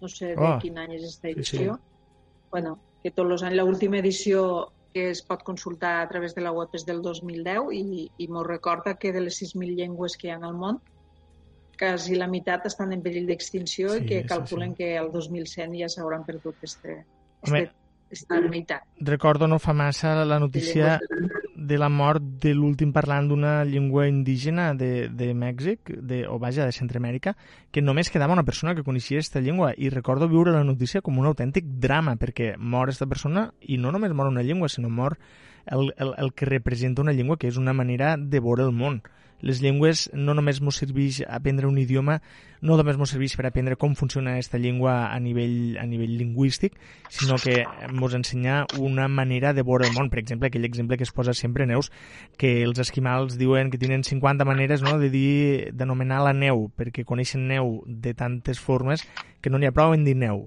perquè la següent pregunta, si tu dius, hi havia neu, l'altre et preguntarà, bueno, sí, però, clar, quina sí, neu? Puc anar, puc, no, no, puc, no puc anar, eh, se pot anar amb l'otrineu, no, mm, jo què sé, no tinc ni idea. Uh, però implica, per exemple, en aquest cas vol dir que esta, esta societat distingeix tantes maneres d'anomenar la neu perquè, perquè la seva vida les necessita, no? I a partir d'aquí sí. eh, podem, podem aprofundir eh, antropològica i, en, i etnogràficament. Perdre una llengua és, és, és un drama per a la societat mundial, des del meu sí. punt de vista. De fet, eh, potser no som prou conscients, no? Esta mm. és una de les línies que treballa més activament la, la UNESCO. De fet, l'any passat va declarar l'any 2019 com a any internacional de les llengües indígenes, que en principi són les que estan més en perill d'extinció. Normalment estan més en perill d'extinció perquè els ecosistemes on viuen aquests pobles indígenes són els que estan més en perill d'extinció, o sigui, per problemes, pel canvi climàtic i tot això. Si ells no tenen recursos per a viure, o sigui, si el seu ecosistema se veu destruït, se veu destruïda la seva cultura i, Clar. evidentment, se perd la llengua, a part de, de que molts governs eh, sempre han desdonat no, aquestes llengües minoritàries i les consideren com una cosa residual. Mm. De fet, ja des de temps del, del, del colonialisme més dur ja s'han perdut no, llengües perquè s'imposava la llengua forta no? sí, sí, sí. I, i, es desdonaven les altres com ha passat. Bueno, de fet, lo, tots els països que han, per, que han patit el colonialisme ja saben lo que els, no, les llengües que han perdut, però a part està això, el fet de que se desdonen segons quin... O sigui, diu que el perill més gran de perquè estan en perill aquestes llengües, o sigui, el problema més gran és, per un cantó, la mateixa política del, de l'Estat on estan aquestes llengües i per l'altre cantó la, lo, lo, el problema de, del canvi climàtic que destrueix els seus ecosistemes. Mm. I aquestes són les dues coses més fortes. I el diner, I normalment, també eh? Com? El diner, el capitalisme, les indústries sí. que saben que en les terres indígenes poden tindre eh, poden comprar grans extensions a molt poc preu o expropiar directament perquè total, no? si són gent que van en un taparrabos no són importants per a, per a la màquina, per a l'engranatge capitalista i, i, i també podem dir que el capitalisme en aquest sentit elimina i extermina llengües. Sí, sí, igual que pobles, no? O, sí, sí. O, o la seva manera de viure. I també, per un altre cantó, la pressió esta no? de, del mateix estat, del mateix sistema educatiu, uh -huh. de la mateixa societat, fa que molts pares indígenes eh, acaben només parlant en la llengua dominant als fills per evitar que els discriminin a la llarga. Bueno, això no fa tants anys va, passava a França, no? Que el, no, o aquí... El patú, no? Que dien, i aquí no cal ni dir-ho, no? que no deixaven parlar als xiquets ni al pati en, en català, no? i tot això.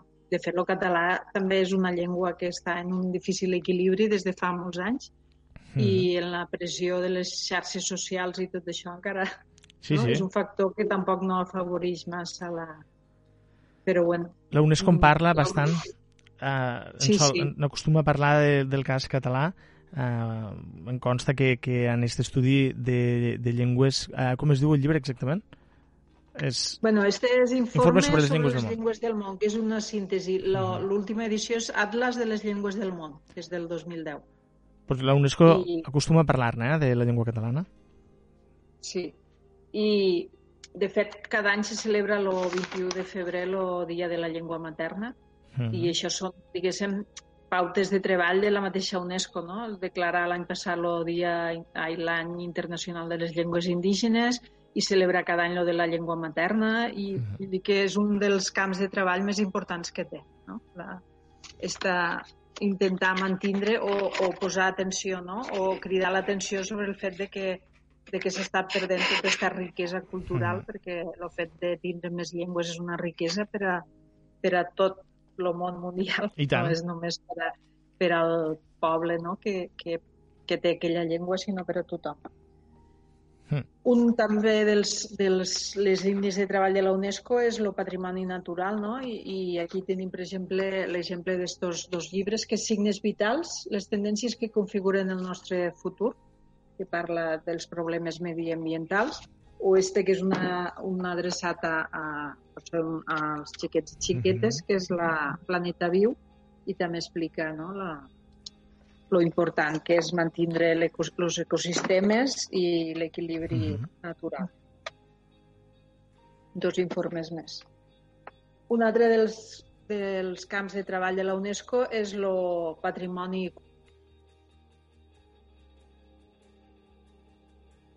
Sembla que hem perdut a, a Neus, a veure si podem recuperar la connexió eh, en breu i, i tornem, tornem de seguida.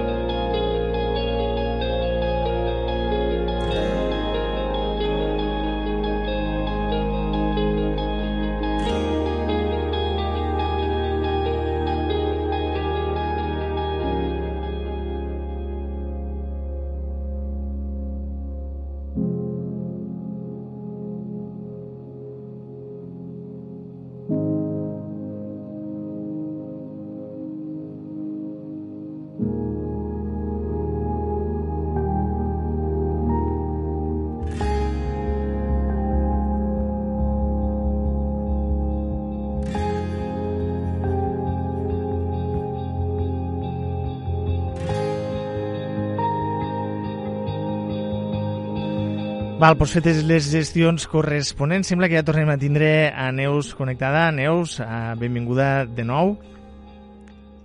Hola. Ara sí. Uh, T'havíem perdut quan, est quan ens estaves parlant encara d'estos estudis de la UNESCO publicats. Um, no sé exactament al punt on ens havien quedat. Bueno, havia comentat los que parlen de la o sigui, de, dels sistemes naturals, no? de la necessitat sí. de mantenir els ecosistemes sants, sí. de l'equilibri ecològic i tot això. I després també una altra de les línies de treball de la UNESCO és la del patrimoni cultural, no? Lo, lo, la manteniment ara sembla que estan intentant tornar a o sigui, restaurant a Tombuctú, que va hi haure ah, sí, uns, sí uns temples no, que van destrossar en uns conflictes entre ètnies i, i estan restaurant altra vegada. No? no sé si a Iran podrà passar mai això, perquè eh, bueno, en aquests països que hi ha hagut tanta, o a Síria mateix i tot uh -huh. això, hi ha hagut tanta destrossa, però bueno, és una també de les línies de treball que, que fa la UNESCO. I aquí tenim, per exemple, este volum dedicat a l'art rupestre prehistòric, que és la base uh -huh. de, la, de la cultura no? a tot el món, és un llibre breu, però molt ben il·lustrat i que parla des dels aborígens, l'art rupestre, diguéssim, dels aborígens australians, eh, passant pel nord d'Europa, el més cap al nord de Noruega, em sembla que és, que també hi ha un, uns art, diguéssim, prehistòric, i, i també, no cal ni dir-ho, l'art mediterrani, no? la importància de l'art prehistòric a l'art mediterrani, pues, que també és una de les una dels patrimonis no, que tenim reconeguts aquí a, a l'estat espanyol.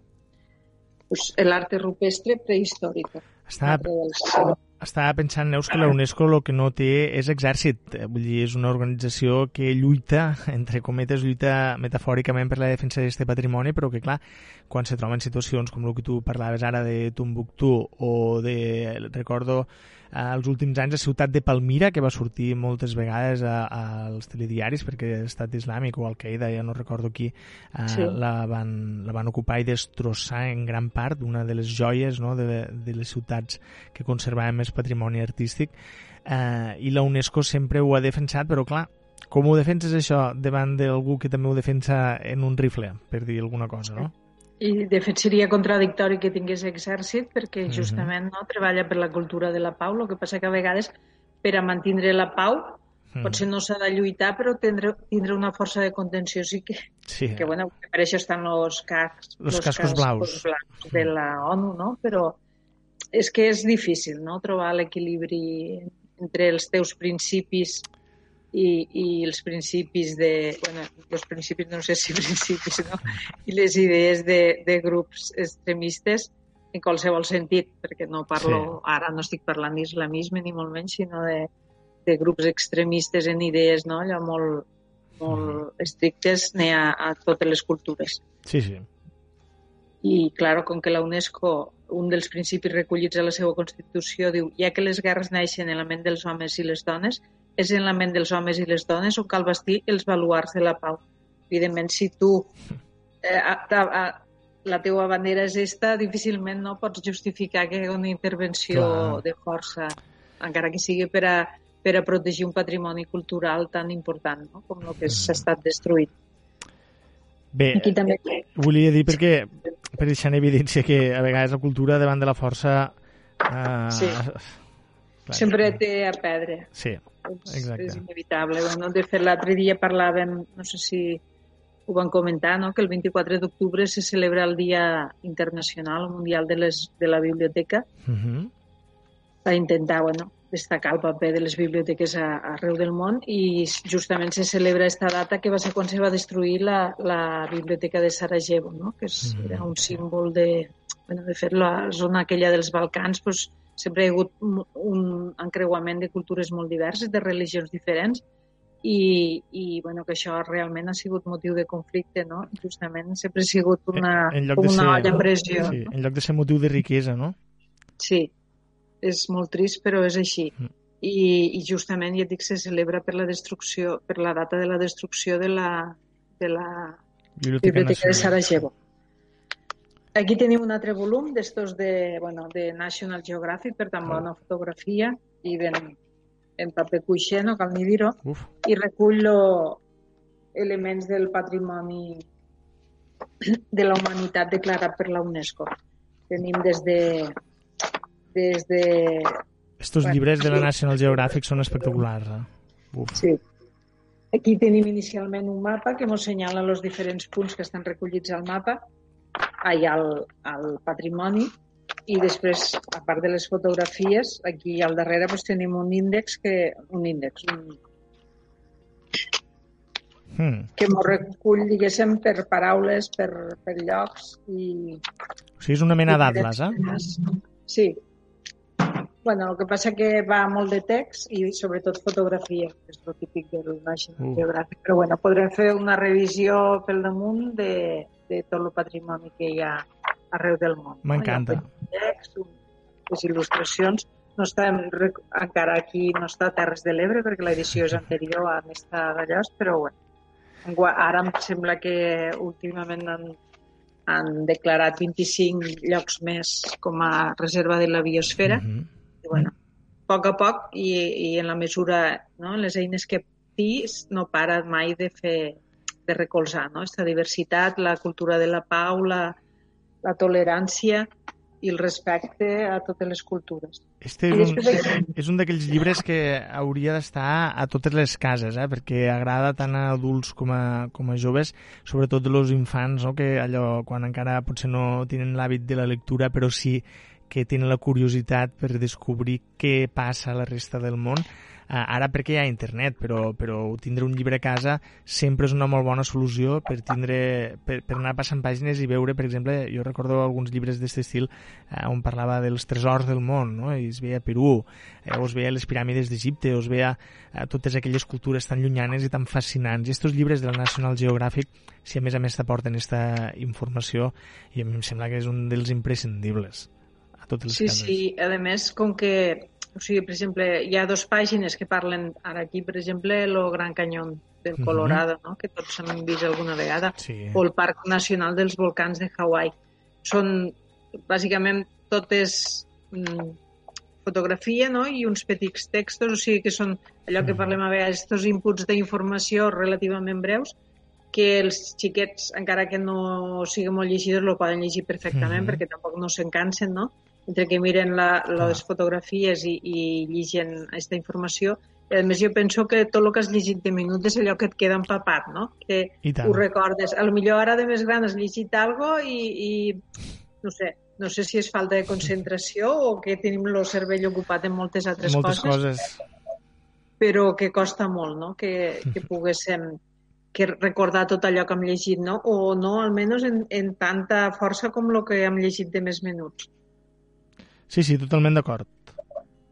I després aquí també, mm, buscant no, el que teníem de la UNESCO a, aquí a la biblioteca me va sortir, per exemple, aquesta recopilació de cuentos completos del Cortázar, que són dos oh. volums. I, de fet, és una, pertany a una col·lecció que publicava Faguara, que es diu Col·lecció UNESCO, UNESCO de obra representativa sèrie ah. iberoamericana. O sigui, eh, lo, la UNESCO té com un cànon, no?, Mundial de Literatura i, i suposo que Alfaguara doncs, va agafar no, esta línia editorial a partir de, del cànon que marcava la, la mateixa UNESCO. I aquí tenim pues, este volum de los cuentos completos de Cortat. Cànon el bàrbaro, que diu un amic meu, del cànon literari, el cànon el bàrbaro. Sí, perquè de fet sempre crea polèmica. A veure, sempre. jo no, no sé si realment UNESCO té un cànon, no? però suposo jo que deu tindre com a mínim vistes i així. Després estan els cànons que fan crítics particulars com el Harold Bloom, no? I sempre hi ha polèmica perquè, sempre. evidentment, és de cultura anglosaxona i es deixa moltes coses de... de la... Bueno, es queixaven los d'aquí, no? Però suposo que a nivell de tot el món també devien hi haver queixes d'altres literatures, no? Sí, els, els cànons i les antologies sempre, sempre, generen, sempre generen baixes passions en el món, en el món sí. literari, crec. De fet, les tries sempre impliquen rebutjar segons què, no? No és només sí. el que tu tries per a incloure, sinó tot el que et deixes de banda, no? I, mm -hmm. i esta, això sempre crea malestar. Recordo que es va incloure el cànon literari del Harold Bloom, el Guy de, de Maupassant, el Guy de, Mo, de Maupassant, que, que, que era un mort de gana que no coneixia ningú i, no? i amb el temps, potser per haver estat inclòs en este, en este cànon s'acaba convertint en un dels grans narradors eh, de contes breus no? de, de, la, de la narrativa mundial. El cànon té importància, no, ja en parlarem un altre dia si vols del cànon, que avui no és el tema que ens ocupa, però té importància perquè t'ho fa creure també. Sí, suposo que és revestir no? de, de categoria mm. Allò que, que podies trobar igualment, no? A lo millor a la biblioteca. A vegades el fet de parlar d'un llibre, jo suposo que aquí també deu passar de coses que parlem, no? Que no és que li volguéssim donar més importància, sinó que decideixis parlar d'un tema i fas aquella tria de llibres, no? I el fet que n'hagués parlat ja sembla que aquell és més bo que, que, que això passa molt a vegades quan ens demanen llibres que, ah, és que he sentit a la ràdio que... No, només a, no? O, sigui, o a la tele va sortir sí, sí. l'autor, normalment la mala sort és que és lo, lo que no s'ha acabat de publicar rabiosament actual o encara està en prepublicació i això no és el que podem incorporar a la biblioteca perquè Clar. hi ha tot un procés de fer comanda, de fer els concursos públics i això, i aquesta immediatesa no la tenim no, les biblioteques i llavors eh, o sigui, entenc jo que el fet de que es comunique, no? que es parle d'un llibre, també li dona més importància, igual que els cànons. I tant, lo fa existir, diguéssim, és el que diem, sí, no? Sí, a vegades és això, no? que els fa visible, o més mm. visible en la resta del món. Cortázar, després... deixa'm fer un últim punt. Cortázar, sí. des del meu punt de vista, ja que l'has nombrat, un sí. excel·lent narrador d'històries curtes, brutal, boníssimes, m'encanten, però des del meu punt de vista un pèssim novel·lista des del meu punt de vista, sé que si hi ha algú que ens escolta i que és un fan d'aquests fans radicals de Rayuela, que, que n'hi ha i que quan senten això se't tiren al coll, jo l'he intentat llegir 5, 6, 7 vegades Rayuela i no puc, no puc de cap de les maneres, no puc. És una cosa, se'm fa bola. Totalment respectable, Eduard. D'això parlem, no? De, sí, de respectar exacte. les idees dels altres. La UNESCO, això ho dic claríssim, no? I, i poder donar l'opinió sense que... O sigui, generar conflicte... Una cosa és generar debat o polèmica i l'altra és conflicte, no? no, no Fixa't que aquesta publicació de la UNESCO aposta pels contes curts, eh? no, no per revelar. Sí, sí. De fet, nosaltres tenim esta gran edició, perquè vull dir gran en tots els sentits, no, no sé mm. quantes pàgines són, però bueno, ara ho mirarem, que també és sí. curiós això. Pues... Si un és de 600 i l'altre és una mica menys, doncs més de 1.000 pàgines de, de contes i sí, 1.100, 1.200, entre 1.100 i 1.200 pàgines de contes, vull dir que... Brutal. I després tenim Rayuela i no sé si en tenim algun més, vull dir que també mos pesa més, no?, la narrativa curta de, de Cortázar té més pes a la nostra biblioteca. Sí, sí, eh, bueno, aprofito per recomanar-lo als contes, si us agrada llegir contes curts d'aquells que no us deixen indiferents, eh, Cortázar és mestre però mestre, recordo aquell conte de la Isla Mediodía, per exemple, uf, que, que, que, que és espectacular, no? No, no, no l'explicaré, però és un d'aquells contes brutals, o tants altres, no?, que té Cortázar. Ja, un dia, un dia hem de fer un especial contes, contes per adults, i Cortázar, si el féssim, tindria un lloc destacat. Eh? Història, aquell de les històries de Cronopios i Fames, també, aquells contes brevíssims, també molt celebrats. En fi, Cortázar... Són més extensos, però... Sí. Cortázar, seleccionat per la UNESCO. Sí, i després aquí tenim un conte que és Premi UNESCO, el que passa que no he, no he pogut buscar informació més ràpida. Uh mhm. -huh. una altra... una altra cosa ah. i m'agrada molt... A veure, la història parla d'això, de la diversitat, no? I, i del fet de que de que tots som diferents, gràcies a Déu, no? Seria molt avorrit que tots fossin iguals. De fet, els conflictes normalment venen personals perquè tots són diferents i llavors pues, mos, mos costa acceptar la diferència de l'altre, no? Aquí mm -hmm. parla d'un, d'un, es diu una altra cosa, no? que tots lo consideraven diferent, vivia pràcticament aïllat dalt d'una casa, no? a un penyal. Oh, que xula! Sí, i, i un dia arriba, o sigui, ella estava dolgut no? per esta, per això que lo veien diferent. I un riba un dia... O sigui, ell intenta ser com els altres, però és diferent. Mm -hmm. Estic buscant informació un mentrestant. Dia, un dia arriba un altre ésser... Apa, que xulo. que és diferent en ell, Uh -huh. i en principi congenien bé, però quan l'altre insisteix en que són iguals, són iguals però són diferents, doncs ell no ho accepta, no? I, i, i l'altre se'n va, se'n va, s'enfada, està tot trist, i marxa.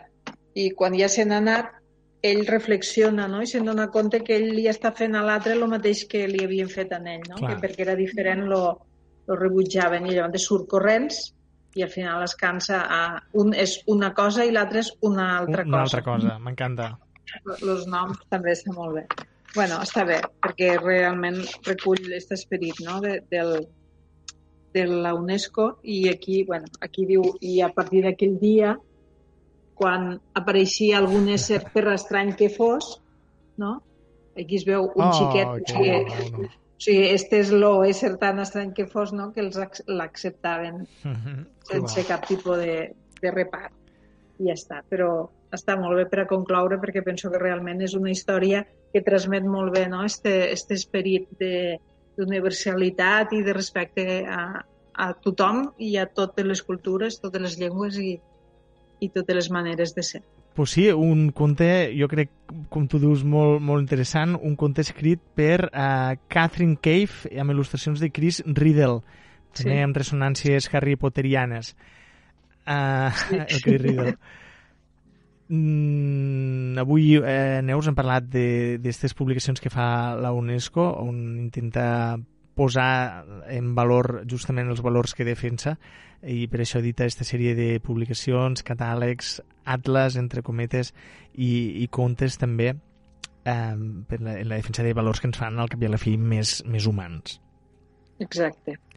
Jo ah. penso que és una de les organitzacions, ah, bueno, en general, no? les que treballen mm. per al bé, bé mundial, no? sense distinció de cap tipus, són les que hem de recolzar. És, mm. més que tu, des de la societat. Una, una associació que fa molt bona feina a Catalunya també, jo vaig tindre l'ocasió de participar en algun dels actes que, que organitzaven, amb moltes ganes de treballar, molt bona voluntat, però infrafinançada aquí a Catalunya, també t'ho diré. Sí, seria, fet, seria convenient.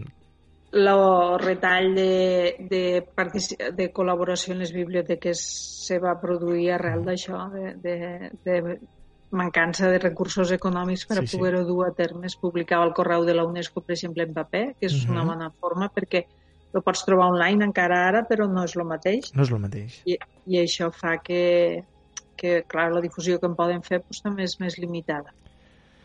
Pues sí, Neus, abans d'acabar, m'agradaria parlar uh, del, del Club de Lectura l'Anil Lletrada, que vau tindre el dijous passat, uh, sí. on vau parlar de Melodia d'una absència, el llibre de Joan Roca Navarro. Com va anar este, este Club de Lectura? Bueno, va anar molt bé. Vam ser pocs perquè al final va hi haver persones que, bueno, que van decidir que millor uh -huh. que no venien no? per el tema Covid i tot i que van prendre les mesures que s'havien de prendre i tot això, però bueno, l'autor estava, li va agradar molt poder, poder estar i parlar amb els seus lectors, lectores en aquest cas, va ser eh, perquè també va comentar que, clar, al principi quan va publicar el llibre va, va tenia intercanvis, no? es trobava la gent pel carrer on fos i li diuen, ah, m'ha agradat molt no sé què, però a partir de, dels primers mesos, no? que és el boom este inicial, doncs només havia pogut participar en este club de lectura nostre i un altre anteriorment. Uh mhm. -huh. I que en ell això li agradava molt, que això li enriquia molt, diguéssim, com a autor, doncs, li agradava no? que la gent opinés. De fet, suposo que va estar content perquè tothom que va vindre li va dir que els havia agradat molt, que el llibre enganxava, que... Bueno, de fet, passa que el capítol inicial, l'obertura, no? perquè està plantejat sí, com una sí, obra musical, no? en aquestes diferents parts. L'obertura té un acabament d'estos que et quedes ja frapat, no? Que dius, bueno, què, què passa, no?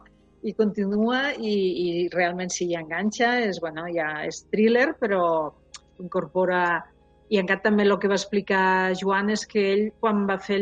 O sigui, ell, quan va començar, quan va idear la història inicialment, no tenia... No, o sigui, no és que volgués fer una obra del Delta, ni molt menys, perquè uh -huh. diu, clar, és que sempre és... Lo Delta, evidentment, pesa molt, no? I tant. Al, a l'imaginari col·lectiu, si ets d'aquí, però que ell inicialment no volia fer, no? Va, la història s'inicia a Viena, passa després passa a París i així, però al final sí que va, hi ha un lligam en lo Delta de l'Ebre i, mm -hmm. i ell lo va incorporar, diguéssim, aquesta història, perquè diu, clar, tu vas escrivint, però a vegades la història va cap a on vol, també, saps? Vull dir, a vegades tampoc no manes tu realment dels personatges. Sí, o... sí, sí. Diu, a vegades tens ganes d'escriure perquè vols saber què passarà, no? és com si eh, allò que diuen, no? l'abducció esta, sí, sí, no? Sí, que sí, l'obra sí. tot te se tragués i, i tu fossis un mer espectador, no? I allò l'únic que fas és explicar allò que passa, però que tu no tens control sobre això. Això ho deia no sé quin autor clàssic llatí, que després ho va recuperar Vicent Andrés Estellers i en, un, en diversos dels seus poemes diu, utilitza este vers, diu segueix un fil ocult quan escric, no? Uh, va, va estirant un fil que ell no coneix però que sap castellí, no? I va estirant i, sí. i va uh, donant forma a, a les composicions eh, literaris. Sí, de fet, ell diu que, és, que ell escriu així no? i que té aquesta sensació moltes vegades, no? que no controla lo, com va l'obra. També va comentar que suposo que l'últim dia que el vau tindre aquí que té una obra ja pràcticament... Sí, en marxa. Sí. No mos va donar cap pista més, no, vull dir, diu, no, no, no, no vull destapar no res. res de tot el que hi ha i, bueno, això, que qui no se l'hagi llegit lo recomanem, perquè el Club de Lectura és un dels que més ha agradat no? des de fa temps, uh. -huh. i que, bueno, que de cara a que pugui publicar un nou llibre, pues, estaria bé que haguéssiu llegit l'anterior, que és el primer, no? és la primera novel·la d'ell, de Joan Roca. Lo seguirem, lo seguirem de prop a, a Joan Roca i Neus, molt bona iniciativa de, de fer el club de lectura eh, al voltant de melodia d'una absència. Neus, arribem així al final del programa d'avui. Si et sembla, sí, sí. no sé si volies yes. afegir alguna cosa més. No, només volia comentar que, claro, des que es va publicar el llibre fins que nosaltres hem fet el club de lectura han passat bastant de temps, no? Sí.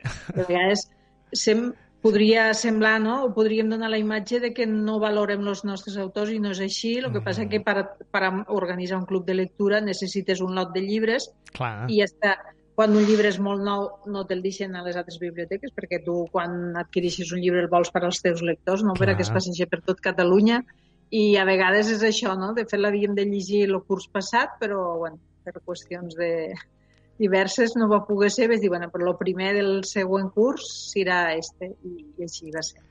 Fantàstic. A, a veure si podem fer pròximament, molt pronte, un altre club de lectura per al nou llibre de, de Joan sí. Roca. I, i bueno, ne parlarem, ne parlarem. Que segur que mos donarà molts de motius per parlar-ne. Segurament. Neus, ara sí, moltes gràcies i fins la setmana que ve. Molt bé. Adéu.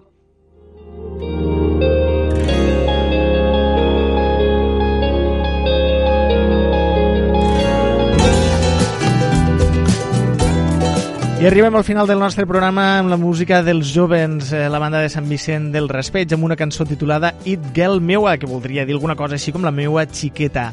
Moltes gràcies per triar-nos per fer-vos companyia. Acabeu de passar molt bon dia, sigueu feliços, felices i fins demà. Més cuinant l'arròs Què importa això als teus seguidors? Estem fent un almorzaret, no un fotocol els teus amics són tan instruïts, tan moderns. Pronuncieu també els títols en anglès, nivell fars. Tots tan ben plantats, tots etiquetats tan muats. I jo sembleu